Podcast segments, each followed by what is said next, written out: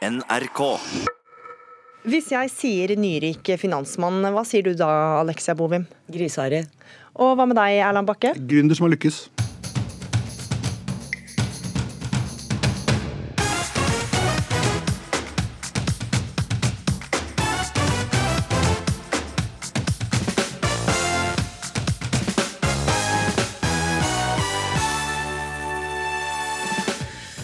Enjoys bok er det mest kvinnefiendtlige bidraget i debatten om metoo til nå, mener varsler Sunniva Andreassen.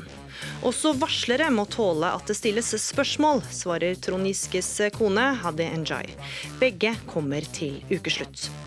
Sex, dop og vold i beste sendetid. 800 000 har sett første episode av NRK-serien Exit. Vi må heie på rikingene, sier manager. Disse folka er bare harry og bør sendes til Monaco, svarer forfatter. Og kvinne opplevde at folk slo, filma og banna da hun mata måker. Hva er det med nordmenn og måker? Ja, du hører på Ukeslutt, der vi også skal snakke om den sjuke fireåringen i Al-Hol-leiren i Syria. Men hvordan ville det hørt ut om Kjell Simen fra Parterapi skulle forhandle om statsbudsjettet? Jeg syns du har utrolig mange eh, gode poeng. Eh, jeg syns òg Trine Skei Grande har mange gode. Jeg syns Erna er kjempeflink. Ja, Mer om det får du seinere. I studio denne lørdagen er meg, Gry Veiby. Følg oss videre. Metoo-debatten har blussa opp igjen etter at Haddy Njay har skrevet bok om hvordan hun opplevde stormen rundt ektemannen Trond Giske. I boka, som har fått tittelen 'Dagbok 13.12. til 13.2', beskriver Njay perioden da det ble levert inn flere varsler mot den daværende nestlederen i Arbeiderpartiet. Flere varslere reagerer på denne boka, og en av dem er deg, Sunniva Andreassen. Du er en av dem som sto fram som varsler. Hva er det du reagerer på? Nei, Jeg blir jo først og fremst opprørt. Jeg, jeg syns jeg er satt i en veldig vanskelig og utfordrende situasjon. Helt uforberedt så skal jeg stå og motsi en av Norges mest populære og folkekjære kvinner. Eh, og så blir jeg opprørt fordi at jeg syns boka gir seg ut for å være noe annet enn det den er. Eh, jeg oppfatter det som et partsinnlegg fra kona til en som jobber for å komme tilbake i posisjon han har måttet trekke seg fra fordi han misbruker makt. Eh, jeg syns Heddy Njay fungerer i praksis som Giske sin PR-agent. Og så syns jeg at det er urimelig å si at, Giske, at i Giske-saken så har ikke varslerne blitt motsagt, for det har man i aller høyeste grad blitt både mistenkeliggjort og bagatellisert og usynliggjort, umyndiggjort og demonisert. Mm. Og denne boka nå som har kommet ut, hvilke konsekvenser tror du den kan få for andre varslere? Ja, det er jo Først og fremst er det jo et hardt angrep mot varslere. Flere av de varslerne som er omtalt, er jo folk som ikke har ønska medieoppmerksomhet, eh, som nå får det. Og eh, Haddy Njay og Trond Giske kan ikke vite eh, noen ting om hvordan deres historier lekker ut i pressen. Dette er folk som har levert varsel på hendelser, episoder, eh, hvor de har fått grensa si tråkka over. Og det er jo det metoo handler om. At vi nå har eh, kjempa og jobba for et samfunn der man ikke skal tåle. Der man skal kunne si ifra. Hmm. Ja, for du mener at det, dette har konsekvenser for hele metoo-bevegelsen? Ja, det river jo ned mye av det man har bygga opp. Jeg syns kostnader av boka er enorm. Heddy vil sikkert eh, Altså, Heddy må jo få lov å fortelle si sannhet, men så vet jeg ikke om hun har tenkt over hva, det, hva slags kostnader det får da. Mm. Fordi eh, Ja. Eller om hun tenker at hun har lyst på et samfunn der, der man bare skal godta at eh, folk tar for seg, og man ikke skal si ifra, da, for da er, man, da er man en del av en maktkamp. Hadi Njai, du er veldig tydelig på at dette er din sannhet, denne boka her. Men kilden din er Trond Giske, og du var jo ikke der da mange av episodene skjedde. Hvordan kan du da konstatere at han eh, ikke har eh, trakassert noen? Jeg må få si at eh, det er veldig Det er veldig spesielt å kunne endelig få på en måte snakke med Sunniva. Jeg har tenkt så mye på henne i arbeidet med, med, boka. Og jeg har hørt hennes historie og lest hennes eh, kronikker og, og, sånn opp igjennom. Og jeg er veldig glad for at det er mulig å snakke sammen. For det er det noe det har vært for lite av mener jeg, gjennom hele denne prosessen, så er det faktisk det. Har jo, altså, det har jo ikke vært eh, umulig å fortelle sannheter tidligere. Vi har jo vi har jo venta på det. Jeg syns det, det, er litt slitsomt at den boka kommer etter to år, og så skal man sveive i gang hele greia igjen. Jeg, jeg syns ikke det er noe spesielt gøy å sitte her. Nei, og Hadi Njay, det er jo som, som Sunniva sier, men også som en av de andre varslerne sier i en mye delt eh, post på Facebook, det er gått to år siden dette skjedde. Hvorfor ta det opp igjen nå? Jeg tror ikke jeg sa at jeg ikke har fått fortalt sannheten før. Jeg sa bare at i denne, i denne prosessen så er det noe det har vært vært eh, veldig mangel på, er eh, samtale. Det var det jeg sa. Men hva vil du si til eh, varslerne som mener at hvorfor tar du opp denne saken igjen nå? Det har gått to år. Mm.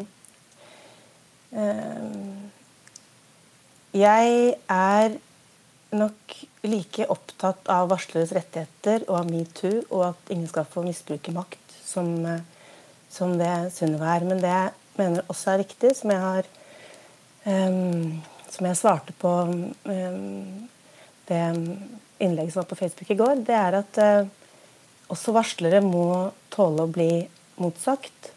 Også varslere må tåle at eh, det finnes andre oppfatninger av virkeligheten. Og jeg er glad for at uh, Sunniva har fortalt sin historie. Og jeg mener at det er rom for at også denne historien kan fortelles jeg har vært Gjennom hele boka så er jeg veldig tydelig på at dette er, dette er ikke den objektive sannheten. Jeg har aldri gitt uttrykk for det, verken i boka eller når jeg har snakket om boka. Tvert imot så sier jeg at dette er en bitte liten flik av sannheten som jeg mener også er viktig. Eh, en viktig nyanse for å få fram det hele og fulle bildet. Det, er, det, er, det, verdt å gi ut en bok så lenge etter om dette her? Når de føler så sterkt om dette? her? Jeg er veldig lei meg for at eh, Og jeg skjønte jo at det, dette ville være vondt for mange. Men jeg mener jo at det ikke kan være sånn at man skal la være å fortelle en historie man mener er viktig, eh, fordi noen blir lei seg. Mm.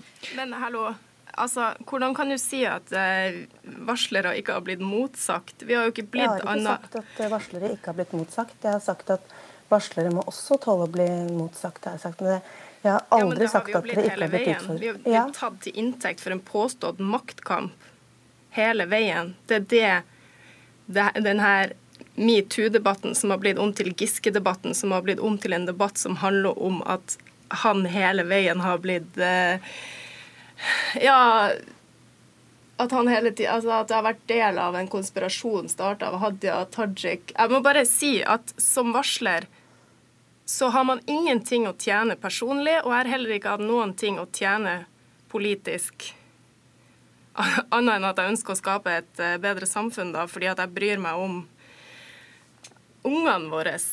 At de skal vokse opp uten å bli tafsa på av eklinger og måtte tåle det. Jeg har jo heller aldri anklaget uh, Sunniva for å være del av en konspirasjon.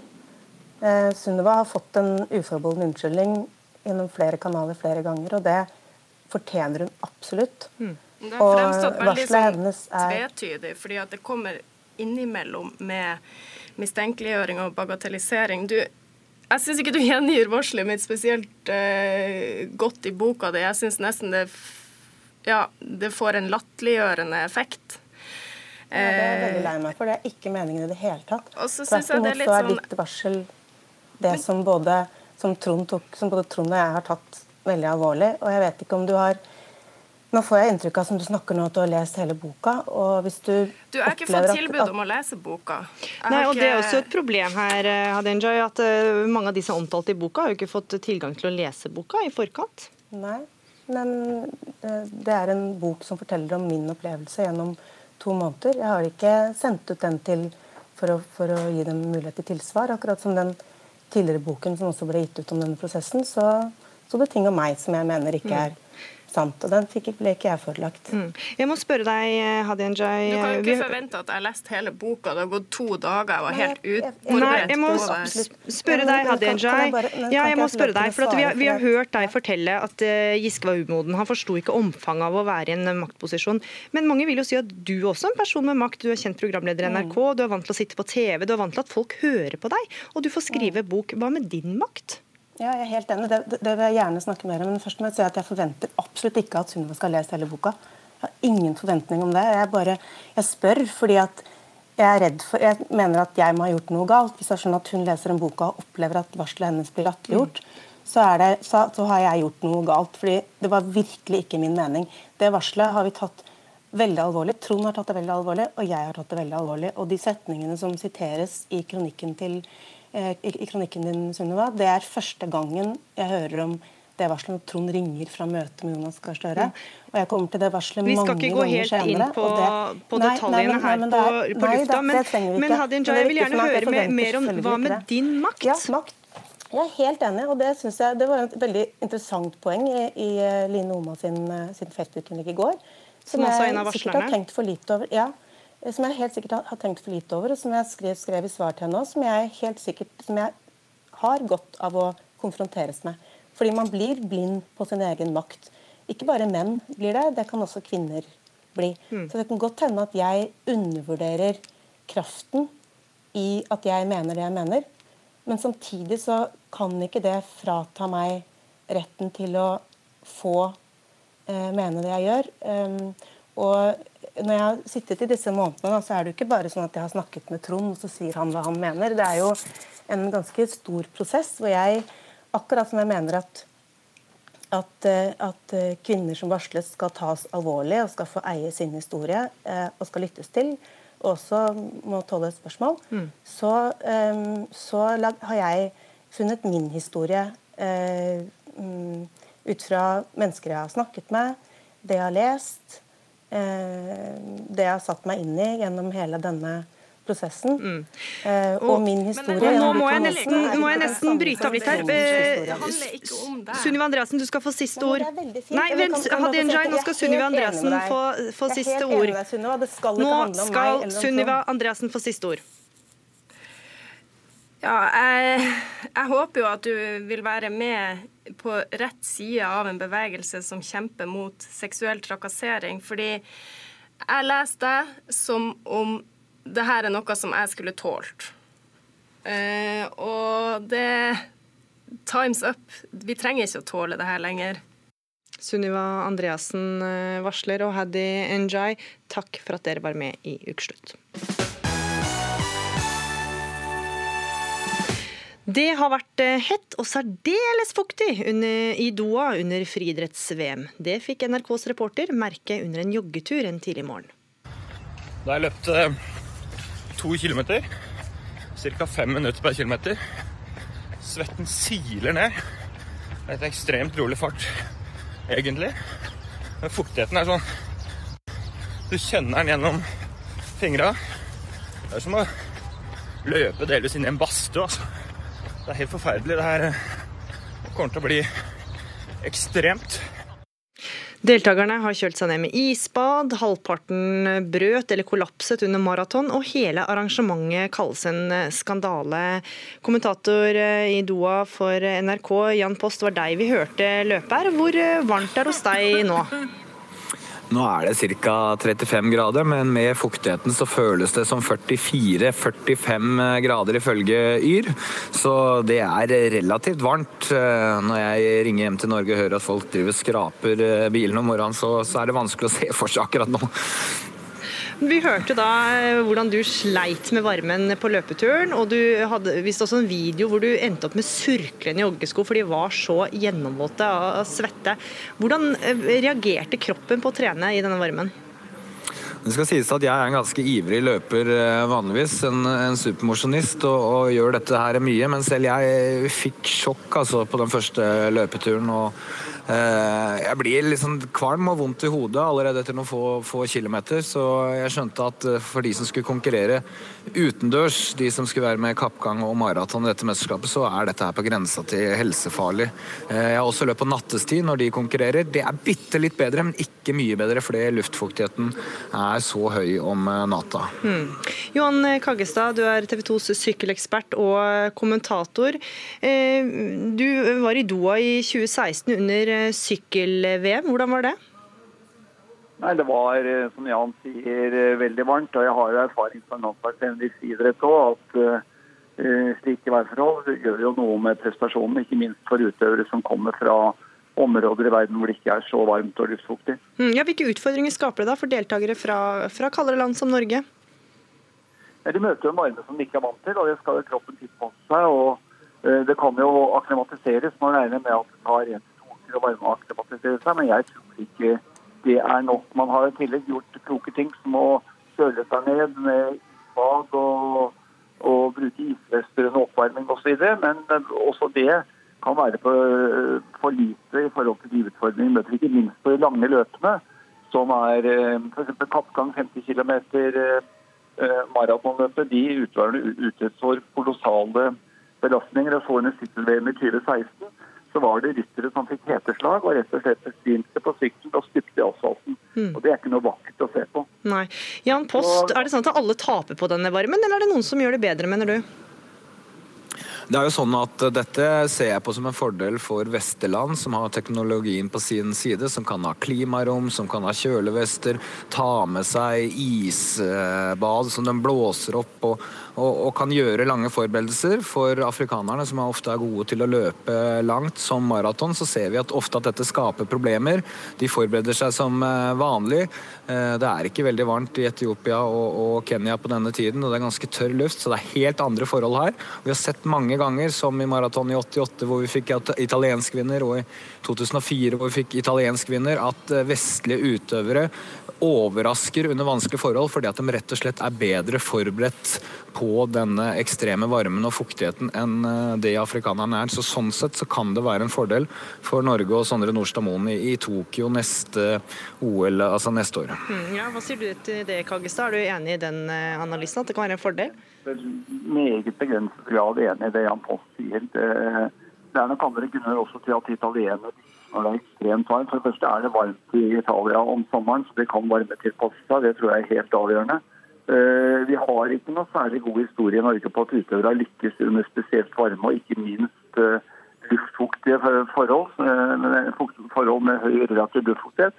Og Det som skjer, er jo at det medfører at det sirkulerer blodlubber reduseres, og blodmengden som da føres ut i hjertemuskulaturen, det blir redusert. og Dermed så kompenserer kroppen for det reduserte blodmengden. Da øker hjertefrekvensen. Dermed synker prestasjonsnivået, altså det vi kaller terskelverdien på fagspråket. Mm. Og Det tar lang lang tid å trene opp. Mm. Uh, så jeg uh, tror skal du lykkes her, så må du tilbringe en god del tid i varme forhold.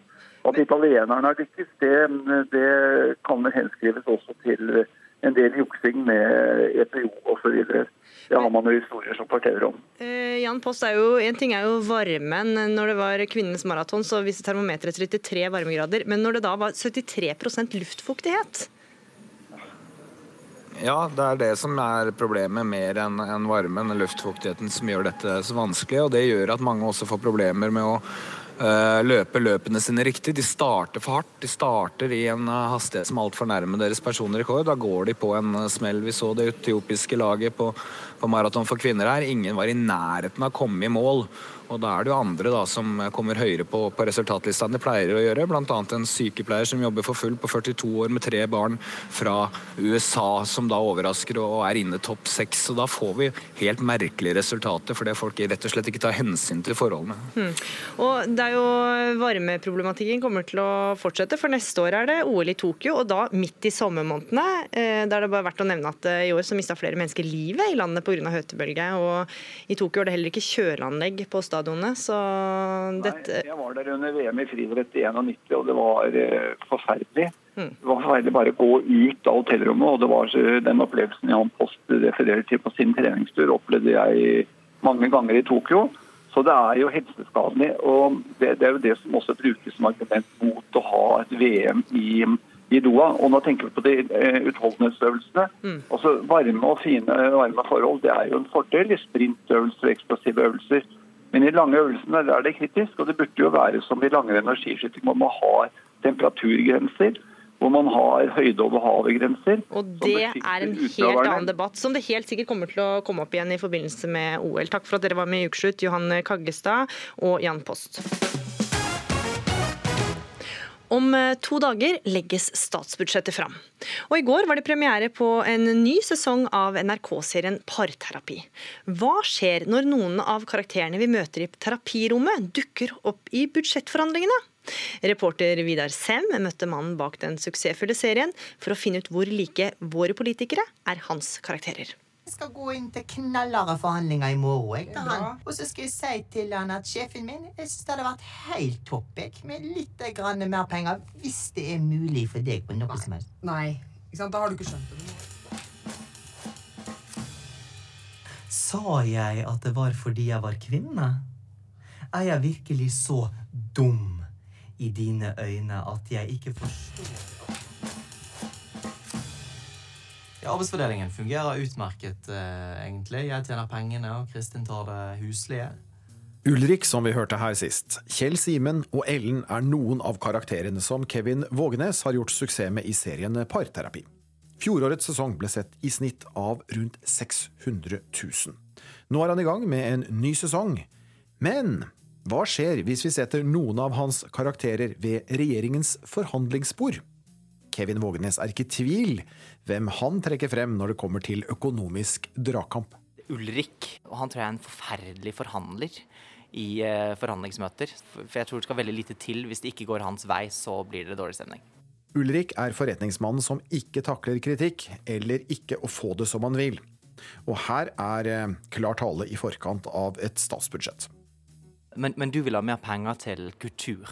Eh, For, det er selvfølgelig veldig viktig at folk får gå og se ting på scene tre på Det Norske Teatret, som, er, som Jon Fosse har skrevet, for han fører verden fremover. Da bare driter vi i å bygge, bygge ut byene, for folk skal se ting på scene tre. Jeg syns du har utrolig mange eh, gode poeng. Eh, jeg syns òg Trine Skei Grande har mange gode. Eh, jeg syns Erna er kjempeflink. Kjell Simen er Ulriks rake motsetning, og han er inspirert av Knut Arild Hareide. Og selv om den eh, tidligere KrF-lederen nå ikke sitter i regjering, ja, så dukker Kjell Simen opp. Jeg tror det er veldig viktig at at vi gir litt og tar litt, og mest gi, egentlig. Men å gi en karakter inspirert av regjeringssjefen selv, det har Vågenes foreløpig ikke tenkt på, selv om det er noe ved Erna Solberg Hvis jeg skulle på en måte tatt noe ut fra Erna, så er det jo at hun er, hun er ekstremt flink i debatter. Du kan liksom spørre henne om hva som helst, og så kan hun i detalj forklare at du tar feil. Og hva med finansminister Siv Jensen? Vi har snakka om henne, eh, og det kommer jo kanskje muligens eh, en sesong til eh, etter denne. Muligens. Det vet vi vel ikke helt ennå, men Med, med Siv Jensen?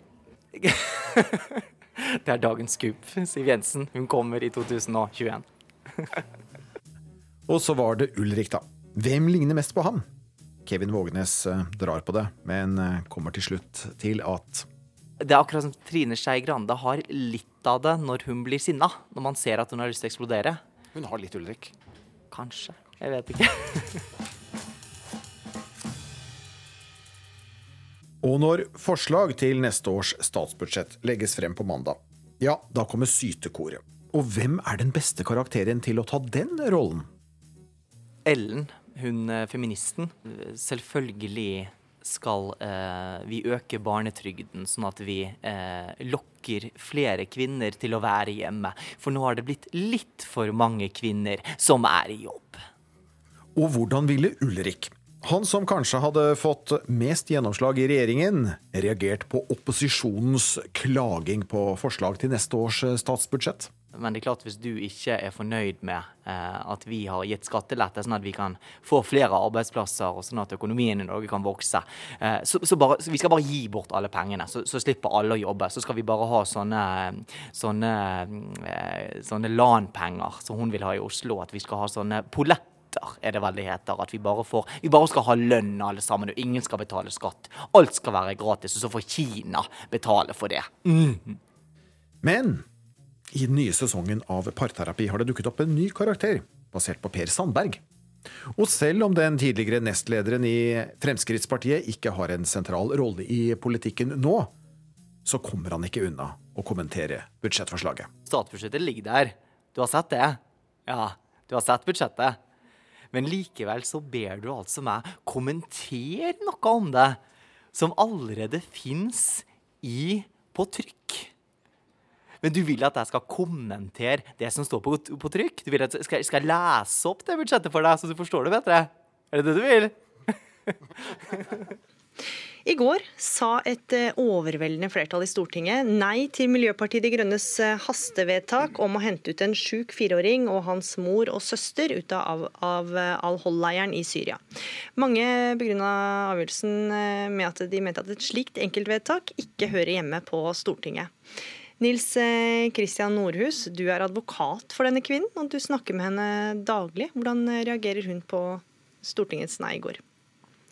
Nei, Hun er selvfølgelig skuffet. Hun var forberedt eh, på dette vedtaket, men har selvfølgelig også reagert med fortvilelse. Men har fortsatt håp, særlig til KrF, om at de vil sette seg selv eh, ikke først, men barna først i tiden som kommer. Dere vurderer nå å be om at hun får dra til Israel med barna. Hvorfor det? Det er fordi at denne gutten har eh, blitt diagnostisert med cystisk fibrose, og han har ifølge legene et svært alvorlig symptombilde som gjør at han står i fare for å dø. Eh, og sånn situasjonen er nå, eh, så er det Israel som er det nærmeste stedet hvor denne gutten kan få nødvendig helsehjelp. Med mindre da Norge tar ansvar og, og henter gutten hjem. Men hvor trolig er det at Israel vil si ja til dette? Nei, Jeg tror det er meget usannsynlig. Men vi er kommet i en tvangssituasjon eh, hvor vi simpelthen ikke har noe annet valg enn å, enn å be om det. I august eh, så ga en tysk kvinne i leiren fra seg sin seks måneder gamle baby. Hvorfor kan ikke din klient bare gi avkall eh, på barna? Det er en stor forskjell mellom en seks måneder gammel baby og en gutt som snart fyller fem. Eh, mor har vurdert det dit hen at denne gutten ikke vil overleve verken en reise til Norge og enda mindre et opphold i Norge, i en situasjon hvor han helt mister mor sin. Men samtidig så er han jo øh, syk. Er det ikke da bedre at øh, han øh, blir tatt med og da skilles fra moren sin? Jo, og det er nettopp derfor vi har ment at det som er det riktige her, det er at norske myndigheter tar ansvar og henter mor hjem sammen med barna, slik at denne guttens liv kan, kan berges. Og mor har vurdert det slik at et alternativ hvor bare da gutten reiser til Norge, simpelthen vil medføre at han ikke vil overleve. Det er altså også ensbetydende med at han mister livet. Mm. Kristin Nesse Tue, du har tidligere skrevet om eh, disse IS-kvinnene. Nå studerer du sikkerhetspolitikk og terror i London. Eh, du hører her eh, advokaten til mora si at han ikke nødvendigvis vil overleve en overfart uten henne. Likevel så roser du regjeringa for hvordan de håndterer saken. Hvorfor det? UD har allerede tilbudt denne kvinnen flere alternativer, bl.a. å diagnostisere gutten ordentlig, for det virker som det er en del usikkerhet rundt diagnosen. Og For meg virker det, etter mitt skjønn, så virker det som at situasjonen neppe kan være såpass alvorlig dersom moren ikke vil tilby sønnen den helsehjelpen han har fått tilbud om fra norske utenriksdepartementet. Og jeg antar jo at det er fordi hun vet at sønnen er hennes hjembillett. Uten ham så har hun ikke sjanse til å komme hjem til Norge ettersom regjeringen holder den politikken de har holdt til nå. Og Derfor så gir det mening at hun ikke vil skilles fra sønnen nettopp fordi hun ønsker å returnere til Norge. Mm. Norus, eh, en hjembillett? Nei, dette er spekulasjon. Eh, det er dokumentert fra legehold at denne gutten eh, står i fare for å dø, slik situasjonen er i dag. Eh, og det er et samlet Psykolog-Norge som mener at det ikke er til barnets beste at man skiller mor fra barn. Slik at det som forskeren her uttaler seg om, det er rett og slett ikke riktig. Vi skal ta inn en tredjeperson, Kari Schrøder Hansen. Du er lege for Røde Kors, og for ikke lenge siden så var du i Al-Hol-leiren og satte opp eh, sykehus. Du mener den syke gutten og mora og søstera hans bør hentes ut. Hvorfor det? Ja, jeg mener generelt at eh, alle barn må hentes ut av denne leiren. Det er en leir som overhodet ikke egner seg for barn i det hele tatt. Så jeg kjenner ikke denne gutten, eh, så jeg kan ikke snakke spesifikt om han. Men dette er ikke forhold for barn i den leiren. Det er store traumer de har vært gjennom. Det er dårlige forhold. De har dårlig helsehjelp. De har dårlig med mat. De får ikke noe utdanning.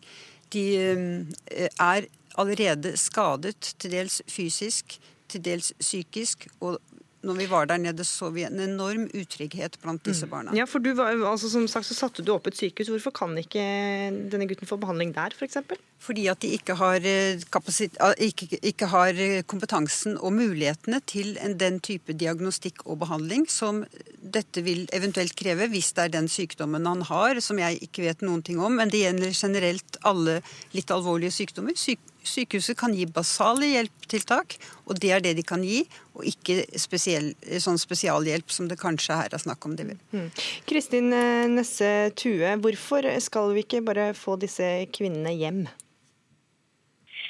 Det eneste som ikke fungerer i denne situasjonen, er å ikke gjøre noe som helst. Men jeg har hele tiden sagt at det aller viktigste er at det blir foretatt et ordentlig straffeoppgjør og det bør helst foregå i den regionen der hvor forbrytelsene har blitt begått. Ja, hvorfor er det så viktig at de skal straffes der de er nå? Ikke bare er det et viktig internasjonalt rettsprinsipp at forbrytelser skal straffes der hvor de har blitt begått, men hvis du straffer dem i regionen, har du også tilgang til vitner. For det er faktisk lokalsamfunnene i nettopp Syria og Irak som er de virkelig store ofrene i den konflikten. Og i tillegg så har du utfordringen ved at ikke alle land har samme type terrorlovgivning som Norge. I Sverige f.eks. har det ikke vært kriminelt på det tidspunktet hvor kvinner dro ned, å delta i en terrororganisasjon. Og kvinnene som har deltatt i IS-terrorhandlinger som kommer fra Sverige, vil følgelig da bli sluppet rett ut på gaten. Så selv om det godt kan fungere i Norge å straffe kvinnene her, så er ikke det en holdbar løsning i det brede bildet. Mm. Mens Hansen, eh, du vil jo at de skal komme hjem igjen. Ja, definitivt. Alle barn eh, skal Disse komme mødrene også? Ja, mødrene, ja, fordi at disse Og det har ikke noe med deres, hva de har gjort eller ikke gjort, det tar jeg ikke noe stilling til. Men det er helt sikkert at disse barna de er ikke bare sårbare slik barn er generelt sett, de er også såret. De er såret fysisk, de er såret psykisk, og det merker vi når du snakker med dem. Du ser frykten i øynene og usikkerheten hos disse barna. Og det å da påføre dem enda et stort traume ved å ta fra dem mor mor i denne situasjonen de er i nå, det er nesten som å sparke et barn som ligger nede allerede. Norhus, mandag denne uka var det opptøyer, og en kvinne ble drept av sine medfanger. Hvordan er situasjonen i leiren nå? Nei, både mor og eh, barna er eh, redde for livene sine hver eneste dag. Situasjonen har vært alvorlig i mange måneder, men blir stadig mer kritisk eh, og, og alvorlig for, for, hele familien. Men burde de lever ikke da nettopp sende, ikke sette barna sine først? Eller altså, ja? Jo, hun, hun setter eh, bare barna sine først, eh, og det er kun det hun manøvrerer etter. Det ville vært en mye enklere løsning for henne nå å bare slippe barna. Da ville hun fått mer ro i, i leiren. I stedet så eh, mener hun at denne gutten ikke vil overleve i tilfelle han sendes alene til Norge. Og Det er hennes konkrete vurdering, og hun er suveren som mor til å mene det. Og Det er ikke noe en forsker i England kan sette seg til doms over. Kristine Setue. Ja, jeg føler at det er relativt ukontroversielt å hevde at barns beste ikke akkurat står høyt i hevd hos deltakere i terrororganisasjoner, enten det er kvinner eller menn. Og så må jeg innrømme at jeg ikke helt skjønner logikken uh, hos de som mener at vi ikke skal skille mor og barn. Fordi det er jo selvfølgelig overhodet ikke et alternativ å ikke skille mor og barn. Samtlige som dømmes for alvorlig kriminalitet, mister jo omsorgsretten. Disse mødrene har utsatt barna for grov omsorgssvikt. De har tatt dem med og født dem i en av verdens farligste konfliktsoner. De har radikalisert barna sine, og jeg tror ikke at de som de som mener at de ikke skal skille mor og barn, liksom skjønner hvem disse kvinnene er. Altså Dette her er overbeviste islamistiske terrorister som overhodet ikke kan ha ansvar for barn. Mm. Nei, dette er ikke riktig. For det første er dette en forhåndsdømming av min klient. Hun har i årevis forsøkt å komme seg ut fra Syria sammen med sine barn.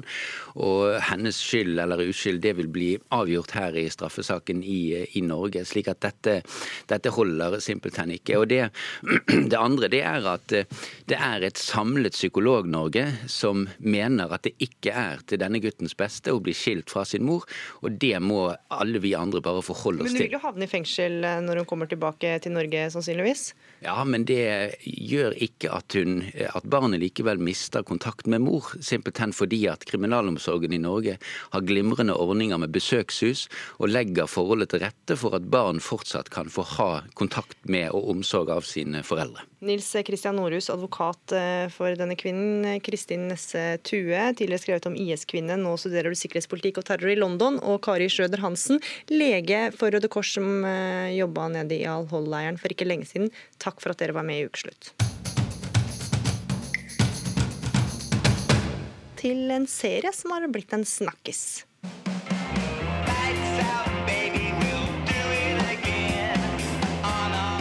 Just nu så försöker jag och min fru att få barn.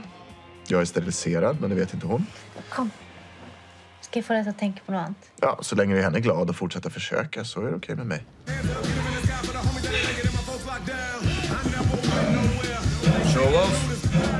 Det viser seg å være østeuropeiske horer som selvfølgelig da blir med meg hjem. Og nå har jeg ikke noe. Sex med prostituerte, kokain, utroskap, champagne og vold er på alles lepper etter premieren av dramaserien Exit her på NRK. Første episode av serien, som er sett av 800 000 på litt over en uke, skal være basert på sanne historier fra fire finansmenn i Oslo, og har skapt furore og spekulasjoner. Erland Bakke, gründer og manager. Du skriver i en kronikk på Ytring her i NRK at vi bør heie på rikingene. Ja, rett og slett gi et realt kollenbrøl for dem. Hvorfor det? Altså, denne serien er jo først og fremst en samling av uh, for, for historier som vi har hørt i 15-20 år. Og det er jo ikke, det er ikke, fire personer som har opplevd dette her. Det er jo ikke det Exit prøver på. Exit har måttet samlet fire personer som de har da intervjuet, og så gitt dem en karakter. Og så er historiene fra veldig veldig mange. Uh, og dette er historier som har pågått over 20 år, som er kanskje noen av de mest ekstreme historiene innenfor dette, uh, denne bransjen. Og så mener jeg at dette her er likt som vi til opp, vi opplever i alle bransjer. Vi opplever det på NRK, vi opplever det i media, vi opplever det på reklame, reklameverden, og ikke minst opplever det blant artister. Så dette, disse historiene finner du i alle deler av samfunnet vårt. Og da mener jeg at dette er litt som kongens nye klær. At vi liker liksom å se når de rike eh, driter seg ut. Når de gjør noe dumt, så liker vi å stikke hull i den rosa ballongen. Og det for meg blir exit. Eh, og så lurer jeg på... Og disse skal vi heie på?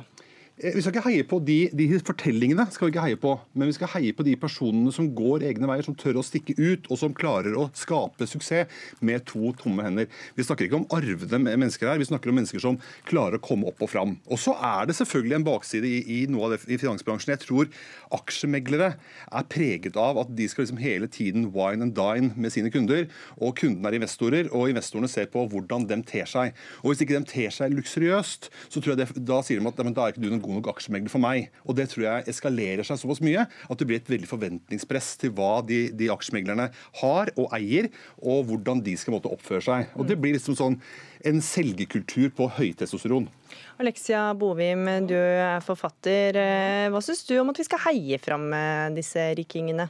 Altså, for det første kan du, Nå nevnte vi denne serien, som håndverksmessig syns jeg er en utrolig bra serie. Kjempemorsom. Og for å si det sånn til alle sammen, man trenger ikke være i finansbransjen for å kjøpe kokain eller østeuropeiske horer. Det kan vi alle gjøre. Så Jeg får meg ikke helt til å tro at disse finanspuddingene som er regjerer i dag, får tak i cola. Jeg er altså sorry. Så uh, for meg, heie frem så er jeg datter av Knut Bovim som lagde Olsenmannen og pantsatte huset sitt. og er gründeren over dem alle, jeg, som hadde privat uh, filmselskap. Er det noen som heier frem suksess og har sett misunnelse og dritt, så er det vel nettopp meg. Men det jeg opplever, er at eh, det er ofte veldig veldig mange som skal mene noe om miljøet de ikke har peiling på. Og, og, og selvfølgelig, desto mer sex og champagne og drit og harry, desto mer stas er det. Men det jeg ser, er jo at eh, det ville jo ikke vært en idé om de som var i disse miljøene, egentlig var de som fortalte historiene sine. For dette er jo sånn Altså, jeg, jeg, jeg synes ikke, Det mest sjokkerende med denne serien er at noen lar seg sjokkere. For dette er ting vi burde visst, tenker du? Eh, burde visst, ja. Altså, altså jeg, jeg er fra Frogner. Jeg tror jeg har hatt det litt mer rock'n'roll enn det der, for å si det sånn. Men Erland Bakke, du også eh, sier jo også at denne, disse historiene er velkjente for mange i, i finansbransjen. Hvorfor er det ingen som har tatt oppgjør med denne ukulturen? Er altså, de, de driver med vold, de kjøper prostituerte, de tar kokain. De lever ikke akkurat et veldig moralsk høyverdig liv. Nei, Jeg vet ikke hvordan man skal ta oppgjør med det. Dette her finner du i alle samfunnslag. eh, Og jeg kan jo ikke, altså det er, Hvis du ser bare på huset her, så er det ikke tatt oppgjør med det. ikke sant, Med de som går her. Så, eh, så, så, så det, er- vanskelig. Hvorfor skal man, hvorfor skal man liksom ta oppgjør med de, eh, de menneskene i finans som gjør dette her? For det, er, det representerer jo ikke på en måte finansbransjen. Og så tror jeg ikke det bildet man tegner i Exit, er ikke nødvendigvis finansbransjen. Det er investorer, det er mennesker som kommer inn i noe. Det er, det er egentlig mennesker med penger de prøver å symbolisere. Og da er det slik at da er det enkelt å skyte dem. Ja, for at du mener at dette, dette forsterker en pengeskam?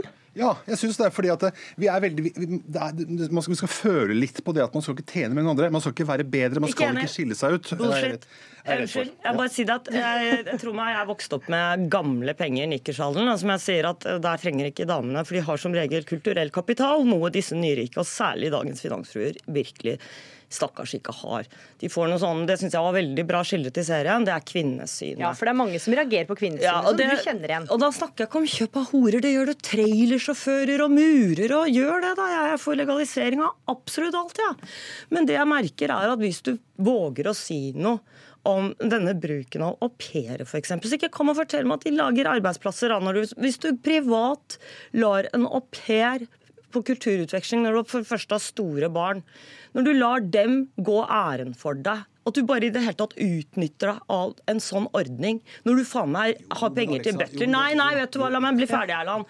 Og det jeg ser når vi snakker om vold Jeg liker ikke at damer får juling, jeg, Erland. Nei, men det, Nei, og tro meg, det skal jeg love deg. Hva tror du sånne finansfolk, når de virkelig er på, på høyden og sånne ting, med disse damene som konkurrerer med hverandre? Fordi de eier ikke en dritt. Altså, det, det både med au pairer, det og kvinnesyn det, Kvinnesyn igjen også reflekteres i andre deler av samfunnet. Det syns jeg ikke er som Ja, for men Du har ikke opplevd hvordan de er mot deg hvis du våger å si noe. Det er noe annet, det, Erland. Men det blir, det blir jo et, det er helt riktig. Jeg er jo ikke kvinne, og jeg har ikke da hatt den relasjonen til finansmenn. Så det, det, ja, det er helt riktig. Men jeg vil jo si at hvis du ser på, en måte, statistikken, så er familievoldsituasjonen da, eh, ikke nødvendigvis veldig fremtredende i finans, men den er fremtredende i Nei, andre men deler for av faen, Vi dyrker den jo. Vi syns jo det er stas at disse kjerringene og disse finansfolka sitter på førstesider av VG og KKL og på Insta med sauer og gudene vet på disse småbrukene sine og kjendisfestene og later som de har det så fucking bra. men så det er de er- og det de gjør, de skaper et press på sånne drittunger som lager sånn der når de parkerer Nei, nå vil jeg snakke ferdig. Når de parkerer Porschene sine foran hospits og sånn på Frogner og skjønner ikke at det er tragedie bak så mye. Hvorfor glorifisere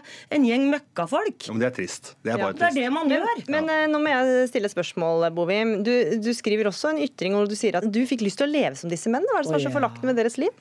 Det virker jo så digg. Det er jo dødsgøy. Altså, du har ikke bondeanger på noe. Du har råd til å, at livet ditt det går til helvete. Uh, og det, det eneste du trenger å gjøre da, hvis du har utseende, eh, penger og, og dop, det er jo å få, få det andre til å funke. Og de, de ser ut til å trives med det. Og selvfølgelig vil det komme noe Ja, det er jeg uenig. Jeg er Ja, er du enig i den analysen? Nei, jeg er uenig. Altså, det jeg er uenig er at jeg, syns man får fram litt i serien at disse fire mennene er jo ikke lykkelige. Altså, Nei, men nå, nå snakker vi Dette blir litt rart. Vi snakker om en TV-serie. Uansett hvilket miljø. For å få dramaturgi så må vi selvfølgelig ha at noen er ulykkelige, og noen er overfladiske og sånn. Selvfølgelig. Og Det bekymrer meg litt. Anna, man, vi, vi starter disse episodene med å få en plakat på at dette her er det virkelige livet. Og så får vi da en historie om at dette er fire menn som forteller sin historie. Ja, og det er det ikke. det Jo, det tror jeg. Nei, men det, det, det, mistenker jeg. Jeg mistenker at det, og det, Ut fra hva jeg hører, så er det akkurat det jeg hører. Jeg hører at mange tror. Og hvem er Ja, disse fire? hvem Trygve, Bård. Trygve Hegnar var eh, på, på Dagsnytt 18 for et par dager siden Mm. og sa at irrelevante. Han visste hvem de fire var. De fire er helt Men han sa jo også at dette er en serie om gangstere, ikke Ja, og det er fordi han har, han, han, har han har sett to episoder og konkludert med det at, de, som at av de to? Episodene så mener han at han vet at hvem de fire er.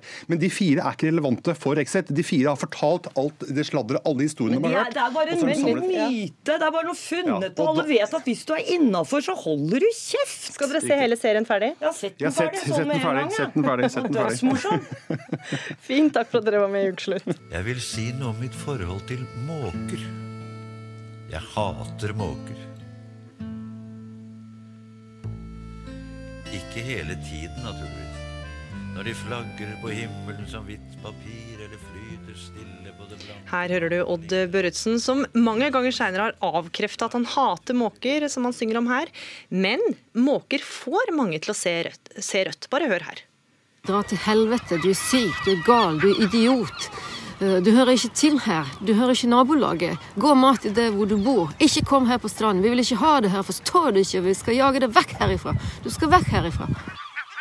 Ja, og dette her var ikke måkne Natasha Berg eh, snakka om. Dette var reaksjoner hun har fått eh, av folk når, at, eh, når de ser at hun mater måker ved det populære vannet Kvassnesstemma i Knarvik i Lindås. Nylig fortalte hun til NRK hvordan hun ble hetsa og får slengt ukvemsord etter seg av mennesker som ber henne slutte å gi mat til fuglene, som mange omtaler som luftas rotter. For måker er en fugleart som får pulsen til å stige hos mange. Og en av dem er deg, Pernille Huseby.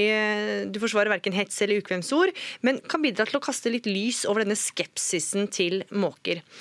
Jeg har mine tvil om at det er djevelen som hersker i helvete. Jeg mener det er den, måsen.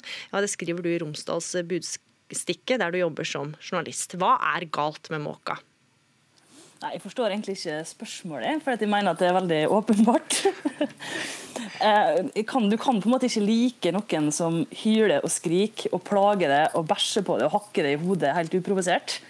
Eh, Det forstår jeg ikke. Da er det mye bedre med en spurv eller en dompap eller noe. Altså, måsen er den er rett og slett et forferdelig vesen. Jeg forstår ikke hvorfor den eksisterer i det hele tatt. Det må være en glipp. Så, så forklaringa på at folk blir så hissige på en som mater måker, er rett og slett at det er en ufyselig fugleart?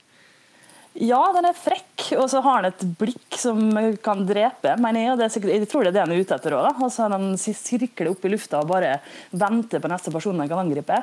Og jeg har jo også en teori, for måsen er jo litt rød fremst på nebbet. Og noen skal jo ha det til at det er naturlig. Jeg mener at det er størkna blod fra et offer i den angrepet. Oi, oi, oi. Trond Blindheim, du jobber vanligvis med markedskommunikasjon og forbrukeratferd ved Høgskolen, i Krist Høgskolen Kristiania. I dag er du her for å slå et vingeslag for måka. Hva er det som gjør at du liker måka? Fordi at Jeg har bare positive assosiasjoner til måken. Jeg tenker på skjærgården, jeg tenker på sommerferie og sol. Og, og Da hører jeg liksom måkeskrikene med i dette. Og så er det det at de er flinke og renoverer etter oss mennesker. De spiser alt vi kaster fra oss. Og eh, evolusjonen også har vært utrolig heldig med måkene. De tilpasser seg ethvert klima overalt, uansett temperaturforhold. De kan leve på søppelbøtter, de kan leve i nærheten av mennesker i store byer og ved sjøen. Slik at det er en fugl som har en kombinasjon av egenskaper som er helt unik. Men, men denne, denne aversjonen mot måker da, som mange har, hvordan forklarer du den?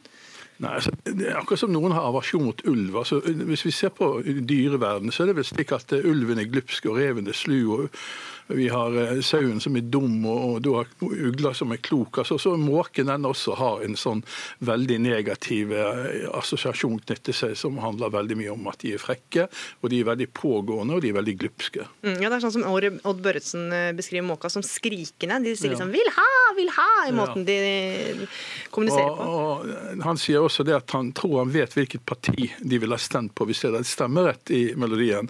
Og jeg tror det at de ville ha stemt på Miljøpartiet De Grønne. Hvorfor det?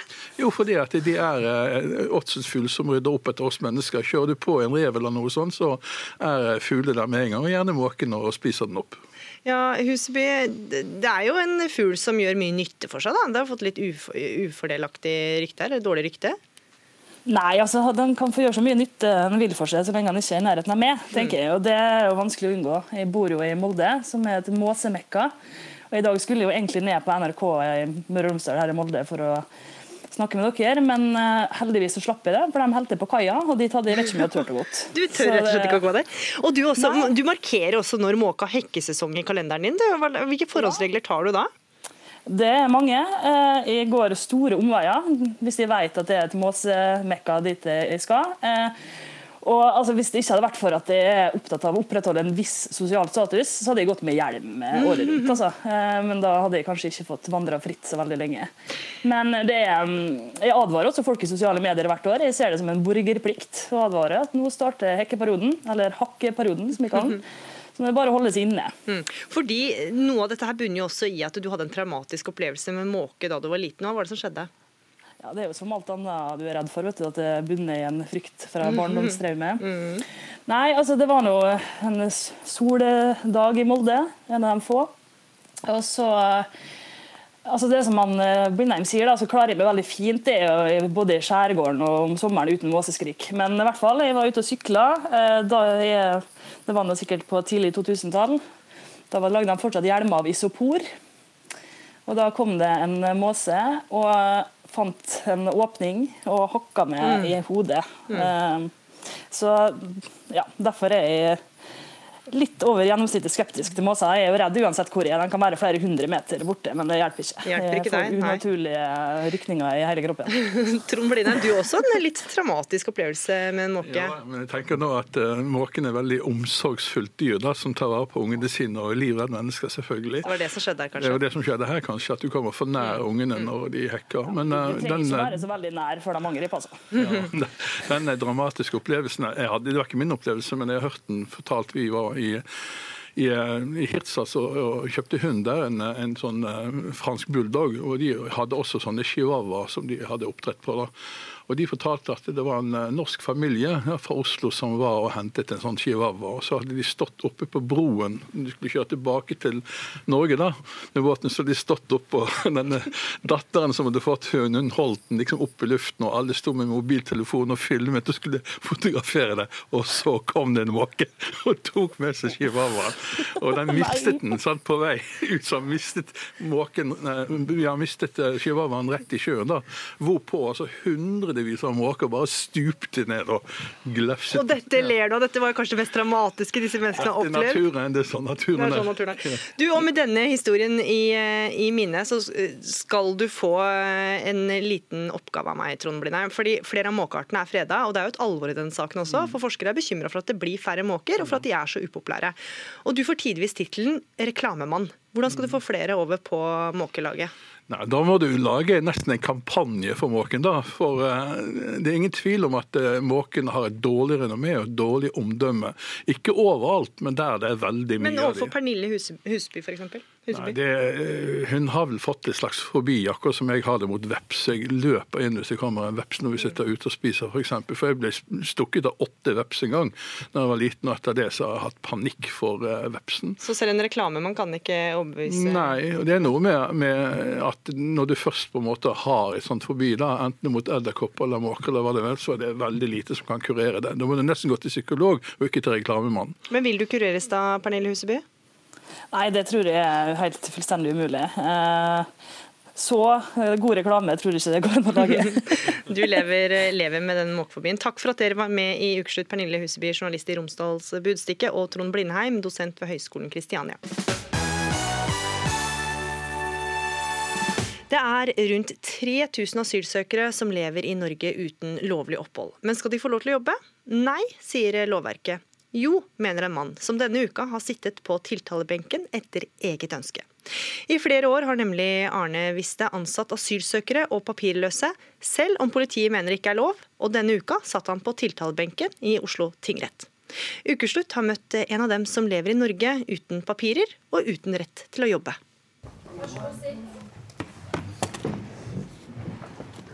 Oslo tingrett onsdag morgen. Til rettssalen i dag har advokater kommet med saksmapper, et par journalister med bærbar PC, folk med håndvesker. Blant de rundt 30 tilskuerne i dag er Nasim Ali Moradi. Også han har med seg noe. Det er min ryggsekk som jeg har fortalt at jeg bor eh, i ryggsekken. Det er noe undertøy. Så det var noen tannbørste og barberhøvel som jeg tar med meg ofte. Så dette er egentlig livet ditt som du har med deg? det, er, det, er, det er livet mitt, ja. Det er, jeg er ikke noe sted som de venter på meg. Det er bare her uten noe planlegging. Det er folk som Ali Moradi denne saka dreier seg om. Han er blant de om lag 3000 lengeværende ureturnerbare eller papirløse i landet. Folk som har fått endelig avslag på asylsøknaden, men som styresmaktene ikke klarer å sende tilbake. Jeg er eh, kurder fra Iran.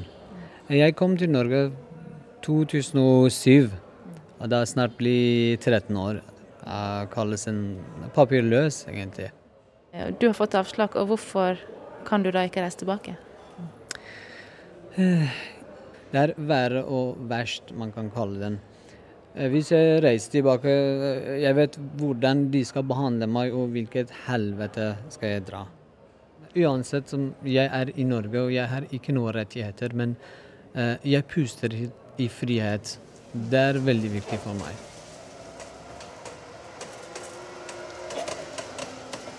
Ali Moradi hadde en gang fast jobb her i Norge, på et lager.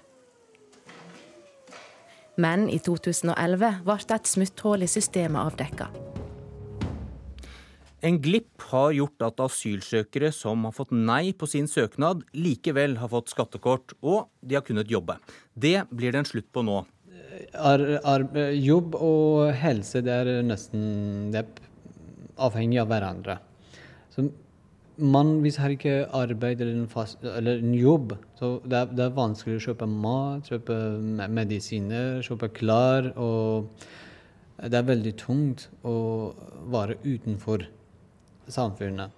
Etter hvert ble han en av de rundt 70 som har hatt jobb gjennom bemanningsfirmaet til Ane Viste. Viste har i årevis utfordra rettssystemet ved å tilsette asylsøkere uten lovlig opphold i selskapet sitt Plog. Jeg har, jeg har lyst til å være som en vanlig menneske og forsøke mitt liv helt lovlig i landet. Jeg kom ikke her for å erobre det landet. Jeg had- hadde lyst til å redde mitt liv, og jeg kom hit. Og jeg hadde lyst til å behan bli behandlet som en helt vanlig menneske. Hva tenker du om det Ane Viste gjør? Det er vanskelig for meg å finne et ord og sette pris på den. Han åpnet en vindu for å vise oss lysen. Men eh, nå det høres litt eh, tungt for oss å lukke den vinduet igjen. For det er ulovlig å tilsette folk uten lovlig opphold i Norge, noe Viste har erkjent at han har gjort. For etter å ha meldt seg sjøl til politiet flere ganger, er Viste tiltala for brudd på utlendingslova. Men han mener at en paragraf i Grunnlova gir disse folka rett på arbeid. Det mener ikke aktor Hans Petter Pedersen Skudal. Grunnloven er en politisk programerklæring. Det er sånn den er forstått normalt. Eh, og det ligger også, hvis man leser Grunnloven, så er det arbeidsdyktig igjen. Og da kan man jo eh, egentlig ganske greit eh, lese inn i at man er arbeidsdyktig. Hvis man ikke har en rett til å være i Norge, så vil du heller ikke være arbeidsdyktig i Norge.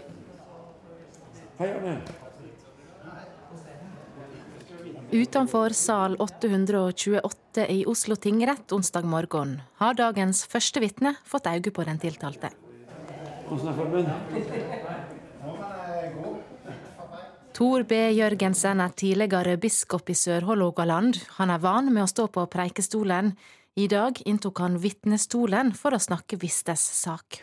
Han står opp for eh, men svake mennesker, sårbare mennesker, og gjør sitt ytterste for å gi dem levelige vilkår. Jørgensen er styreleder i organisasjonen Mennesker i limbo, der Ali Moradi en periode fikk jobb.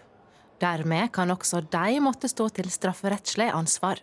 For det er jo ulovlig etter loven. Ja, det gjelder jo også da, sånn som aktor påpekte her, at vi har hatt to ansatte hos eh, oss, så vi får se om politiet eventuelt også kommer til oss da. Nasim Ali Moradi har fått mange tilbud om svart arbeid, men fyller heller dagene med frivillig arbeid. Han drømmer om å få fagbrev som elektriker eller rørlegger, men kan foreløpig bare håpe at denne saka vil føre til endringer. Det er, det er vanskelig å le, leve i um, ryggsekk, eller le, leve på ryggsekken. Da, jeg venter hver dag jeg venter på å få tilbud fra noen bekjente og noen venner som overnatter hos dem. Og hvor skal du overnatte, vet du det? Ikke ennå. Jeg, jeg, vet, jeg vet ikke ennå. Ja. Men det ordner seg? Det ordner seg, ja. ja. Reporter i denne saken var Andrea Kvamme Hagen. Og også pensjonerte biskop Gunnar Stålsett er nå under etterforskning etter at han sto fram og fortalte at han har hatt en asylsøker uten arbeidstillatelse ansatt hjemme hos seg. Vi skal til Stavangermannen, som alt dette dreier seg om, nemlig deg, Arne Viste. Du er nemlig tiltalt for å skaffe ulovlig arbeid til ureturnerbare immigranter rundt 70-tallet. Folk som altså har fått avslag på asyl- og oppholdstillatelse. Vi hørte deg litt tidligere fortelle om en lang og krevende uke i en rettssak der du har insistert på å få sitte på tiltalebenken. Du har solgt bilen, du har toppa huslånet, og du er villig til å gå i fengsel. Alt for å gi papirløse jobb. Hvorfor er denne saken så viktig for deg? Denne uka har vært lang og krevende, og så har den vært veldig oppløftende med at vi har fått ha en god hovedforhandling over fire dager. Det er gitt tilstrekkelig tid til å behandle det, de forholdene som siktelsen omfatter. Og vi har fått belyst saken riktig og bredt. Så jeg tror at retten sitter med et riktig bilde av den virksomheten som jeg har drevet. Og dette er altså da en eh, rettssak hvor du nesten har insistert på å få sitte på tiltalebenken. Hvorfor eh, ville du det? Eh, grunnen til det, det er at vi har jo en, en maktfordeling i Norge. Vi har Stortinget, og vi har regjeringa, og vi har domstolene. Og eh, denne situasjonen som de uretternøyere lever under, den er under det minstemålet som grunnlov og menneskerettighet sier vi skal behandle mennesker med. Vi skal behandle dem menneske, som mennesker, ikke umenneskelige, og vi skal ikke behandle de nedverdigende. Og så lenge jeg mener det er et lovbrudd på, på grunnlov og menneskerettslov, så hører det da til domstolen å avgjøre spørsmålet, og ikke til politiet. For I løpet av fire år så har du utbetalt over 8,5 millioner kroner i lønn til rundt 70 forskjellige papirløse. Og Ifølge utlendingsloven er det ulovlig å ansette mennesker uten oppholdstillatelse. Hvorfor har du likevel gjort det? Jeg kan presisere litt utlendingsloven, si at det ikke er lov å ansette utlendinger uten arbeidstillatelse. Og mine ansatte har en arbeidstillatelse hjemla i grunnlov og menneskerettslov, eh, fordi at ikke de har noen andre alternativer. Så, og den arbeidstillatelsen er ikke en, den som vanligvis politiet benytter, men det er da en, en generell arbeidstillatelse som gjelder oss som bor i Norge, om at mennesker har rett til å arbeide og forsørge seg sjøl. Så jeg er ikke med på det premisset politiet legger om at dette skal være ulovlig, og jeg opplever at politiet eh, driver med forhåndsdømming. De kunne belyst saken og overlatt til domstolen og tingretten å felle sin dom. For du lener altså på Grunnloven. Men eh, ifølge Grunnloven så skal jo arbeidsdyktige mennesker skal få lov til å ha arbeid. Men ifølge aktor og politi så er det ikke arbeidsdyktig når du ikke har lov til å være her. Ja, det er da det domstolen skal avgjøre. Eh, det bestrider jeg jo sterkt. Mm. Men dette er da mennesker som oppholder seg uh, ulovlig i Norge. De har ikke fått oppholdstillatelse eller asyl. Bør de ikke returneres eller returnere seg selv så fort som mulig? Ja, nå kommer det jo fram under hovedforhandlinga at, uh, at uh, f.eks. Uh, en av mine ansatte, som sier politiets vitne, at eh, han ikke har noe sted å reise til. Og man samarbeider aldri så mye. Det var noen flyktningleir mellom Irak og Iran, og ingen av de landene vil akseptere han som sin borger, men han bor og lever i Norge og er i en 100% fastlåst situasjon i henhold til politiets vitne. Men dette var jo da ett tilfelle. I flerparten av disse tilfellene så er det jo da staten som har behandla saken og sagt at de ikke får opphold i Norge. Og hva vil du da si til dem som mener at du undergraver asylinstituttet, når du ikke respekterer avgjørelsen som er blitt tatt? Eh, det som undergraver asylinstituttet, det er ulovlig avslag av denne. Eh, Advokatforeningen har valgt ut 71 asylsaker som var fått avslag til ny behandling, rettslig behandling, og de fikk medhold i mer enn halvparten av de i, for en stund siden. Og asylsøkernes rettssikkerhet er, fikk en flengende kritikk. Så veldig, Du sier det er unntaksvis det jeg nevner, det er ikke unntakene. Det er mange Eh, har, mange av mine ansatte har etter hvert fått opphold, mens det er vel bare to som har blitt eh, tvangsreturnert. Det er atskillig flere som har fått opphold. Og, og, de som velger å bli i Norge med den umenneskelige behandla de da får, det velger de ikke frivillig. Det er fordi alternativet er mye verre. Så, så det du egentlig sier, er at du eh, stoler ikke på statens avgjørelse, da? Nei.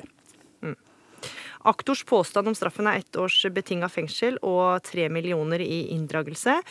Og selskapet ditt Plog AS eh, må betale 11,5 millioner i bot og inndragelse. Hvis dommen blir som eh, dette, hvordan skal du klare å løse det? Eh, det, det, er ikke, det, er ikke, Problematikken her handler ikke om hva straff jeg måtte få. Eh, det som er problematikken, og eventuelt et ankegrunnlag, det er om vi vinner noe positivt for denne gruppa sårbare mennesker. Mm. Så, så hva straff jeg får, det er helt underordna. Det det sangen handler om, det er om vi klarer å oppnå forbedringer i livssituasjonen til disse. Jo da, det skjønner jeg, men allikevel, hvis eh, dette blir straffen, hvordan skal du klare det? Nei, det, jeg vet ikke hvordan det fungerer. Jeg blir vel gjeldsslave resten av livet. Vil det fortsatt være verdt det? Ja, og dom altså fredag 18. oktober. 18. oktober klokka ti så skal jeg på Stavanger tinghus og bli forkynt dommen. Mm. Hvilke forventninger har du til den? Eh, jeg har én forventning, og det er at han klargjør eh, loven og Grunnlovens betydning for disse menneskene.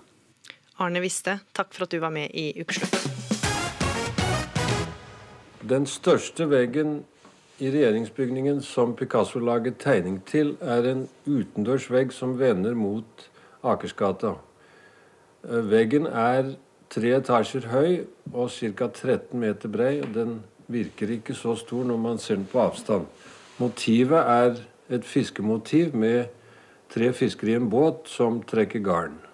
Ja, Slik beskrev kunstner Carl Nesjar kunstverket på Y-blokka, som han lagde etter Picassos tegninger. Og selv om kunstverket skal bevares når nytt regjeringskvartal skal bygges, så skal arkitekt Erling Visjøs Y-blokka nå rives.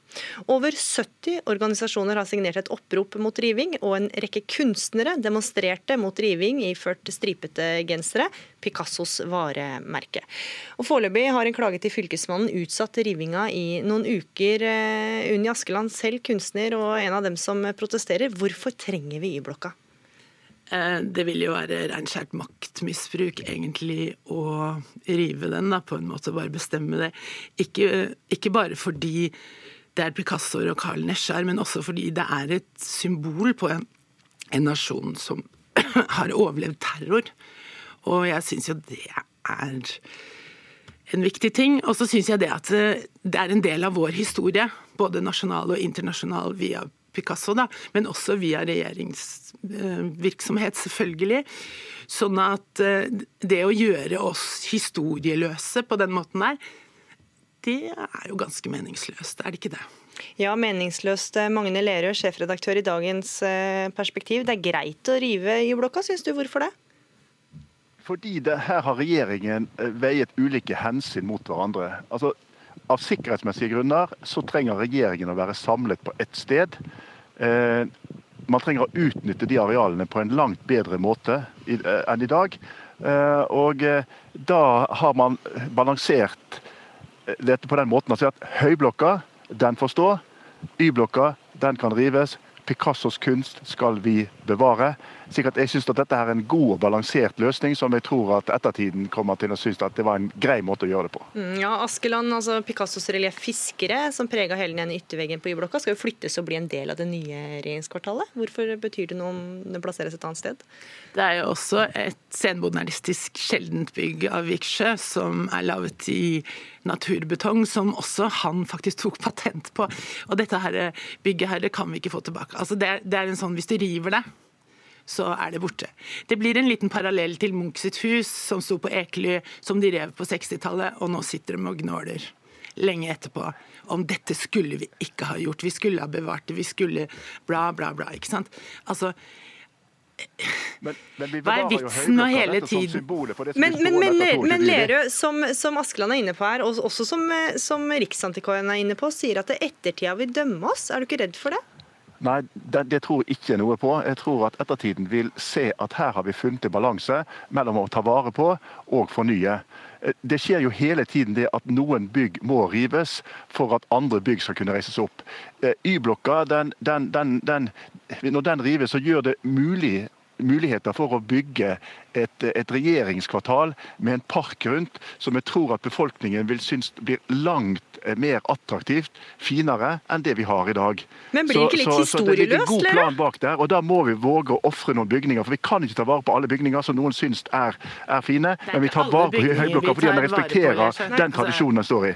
Men, men er det ikke litt historieløst, Lera? Hva med alle, hva med, det er jo noen spesielle bygg som er fine å eh, beholde for ettertida. Ja, men vi, vi tar ikke vare på alle bygg som, eh, som, som noen mener er historiske. Vi kan ikke gjøre det, iallfall ikke i en bykjerne. Da, da må, det, da må det, eh, det veier tyngre det at vi trenger å få samlet regjeringen et sted. Og, eh, og, og, og Y-blokka i dag den er vanskelig med sikkerhet. Det ligger en vei under. Så, så den er på en måte, den tilfredsstiller ikke dagens, dagens krav.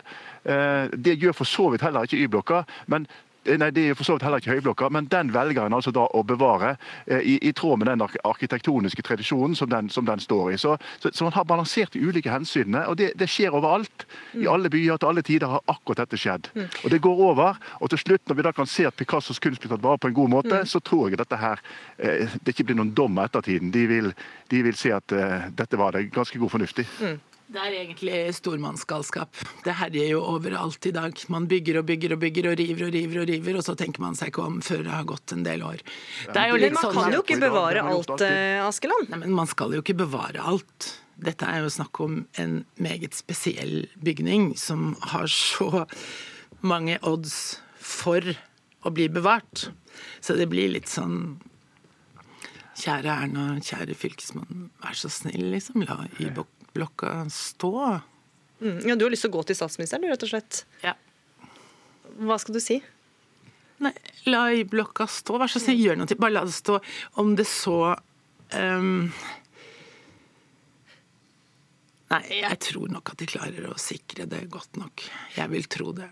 For saken om riving er nå klaga inn til eh, Fylkesmannen. Har du noen tro på at rivinga kan bli stoppa, Askeland? Jeg har jo alltid det. Altså, man er jo optimistisk til det siste. Det er derfor jeg også sitter her. Jeg hadde ikke giddet å sitte her og prøve å bruke argumenter eller energi på å forsvare dette. Hadde jeg ikke trodd på noe at det går bra til slutt. Ja, Hva tror du om det, Lerøe? Er, eh, kan dette reverseres? Nei, jeg tror Det som skjer nå, det er at Fylkesmannen går gjennom eh, saken, slik at man sikrer seg at alle formelle, eh, regler er fulgt. Eh, Og Så blir det bekreftet det regjeringen har vedtatt, som er øverste myndigheter, at denne, denne skal bygges og planene som er vedtatt, skal realiseres. Selv om det er på en måte noen som protesterer, så og det er også, det, jeg tror det er ganske bred politisk enighet om at dette er nødvendig og riktig å gjøre. Men da er jo det en ikke, da er jo det ikke bare en nasjonal skandale, det er også en internasjonal skandale. Så Det Det tror jeg faktisk ikke at det, Jo vil, de det vil bli stående om noen år, at det er en internasjonal skade som har skjedd. Skandale. Skal, du skal få svare på det. Skandale. Hvorfor skal det bli en internasjonal skandale? Nei, du sa skandale. Jeg sa skandale. Han sa skade. Ja. Hva sier du? Men hvorfor blir det en internasjonal skandale? Det er jo kanskje mest pga. Picasso.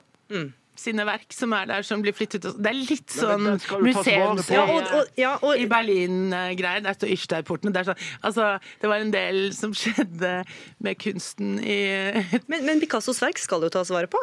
Ja, men det Sånn som, det er ikke bare det, det er også bygget i seg selv. Ja, det er jo et arkitektonisk, eh, arkitektonisk eh, verk, dette her. Senmodernistisk bygg Ja. Vikstø. Liksom. Altså, det, er, det, det er interessant å se på. Mm. Det er annerledes enn de fleste andre. Nå bygger de jo bare kan ikke bygge i høyden. Liksom. Men det har jo ikke vært noe spesielt folkekjært sted, dette her?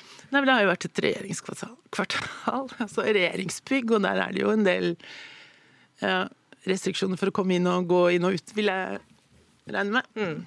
Ja, Lerøe, en siste kommentar her på, på denne kampen. Ja, det, det som du sier her, at folk har et, et, et lite et svakt forhold til eh, Y-blokka. Man har et noe sterkere forhold til Høyblokka, fordi den har, den har stått der og den har vært lagt merke til. Eh, og Om noen år så tror jeg ingen kommer til å samle Y-blokka, med mindre man da er spesielt eh, interessert i, i arkitektoniske eh, tradisjoner, så vil man kunne, kunne, beklage det. Men det er sånn at noen ganger så må de, de tradisjonene vike fordi det er noe som er viktigere her, og det er å få reist et, et regjeringskvartal Eh, slik som det nå er planen. Ja, og Så får vi se da hva ettertida vil si, og hvem av dere som får rett. Unni Askeland, kunstner, og Magne Lerud, sjefredaktør i Dagens eh, Perspektiv. Takk for at dere var med i Ukeslutt. Og med det er ukeslutt slutt. Ansvarlig for sendinga var Kari Li. Det tekniske ansvaret hadde Marianne Myrhol, og her i studio var Gry Veiby. Takk for at du hørte på Ukeslutt. Ukeslutt kan du høre på når du vil og hvor du vil, enten som podkast eller i NRKs nettspiller, som du finner på nrk.no. Takk for oss.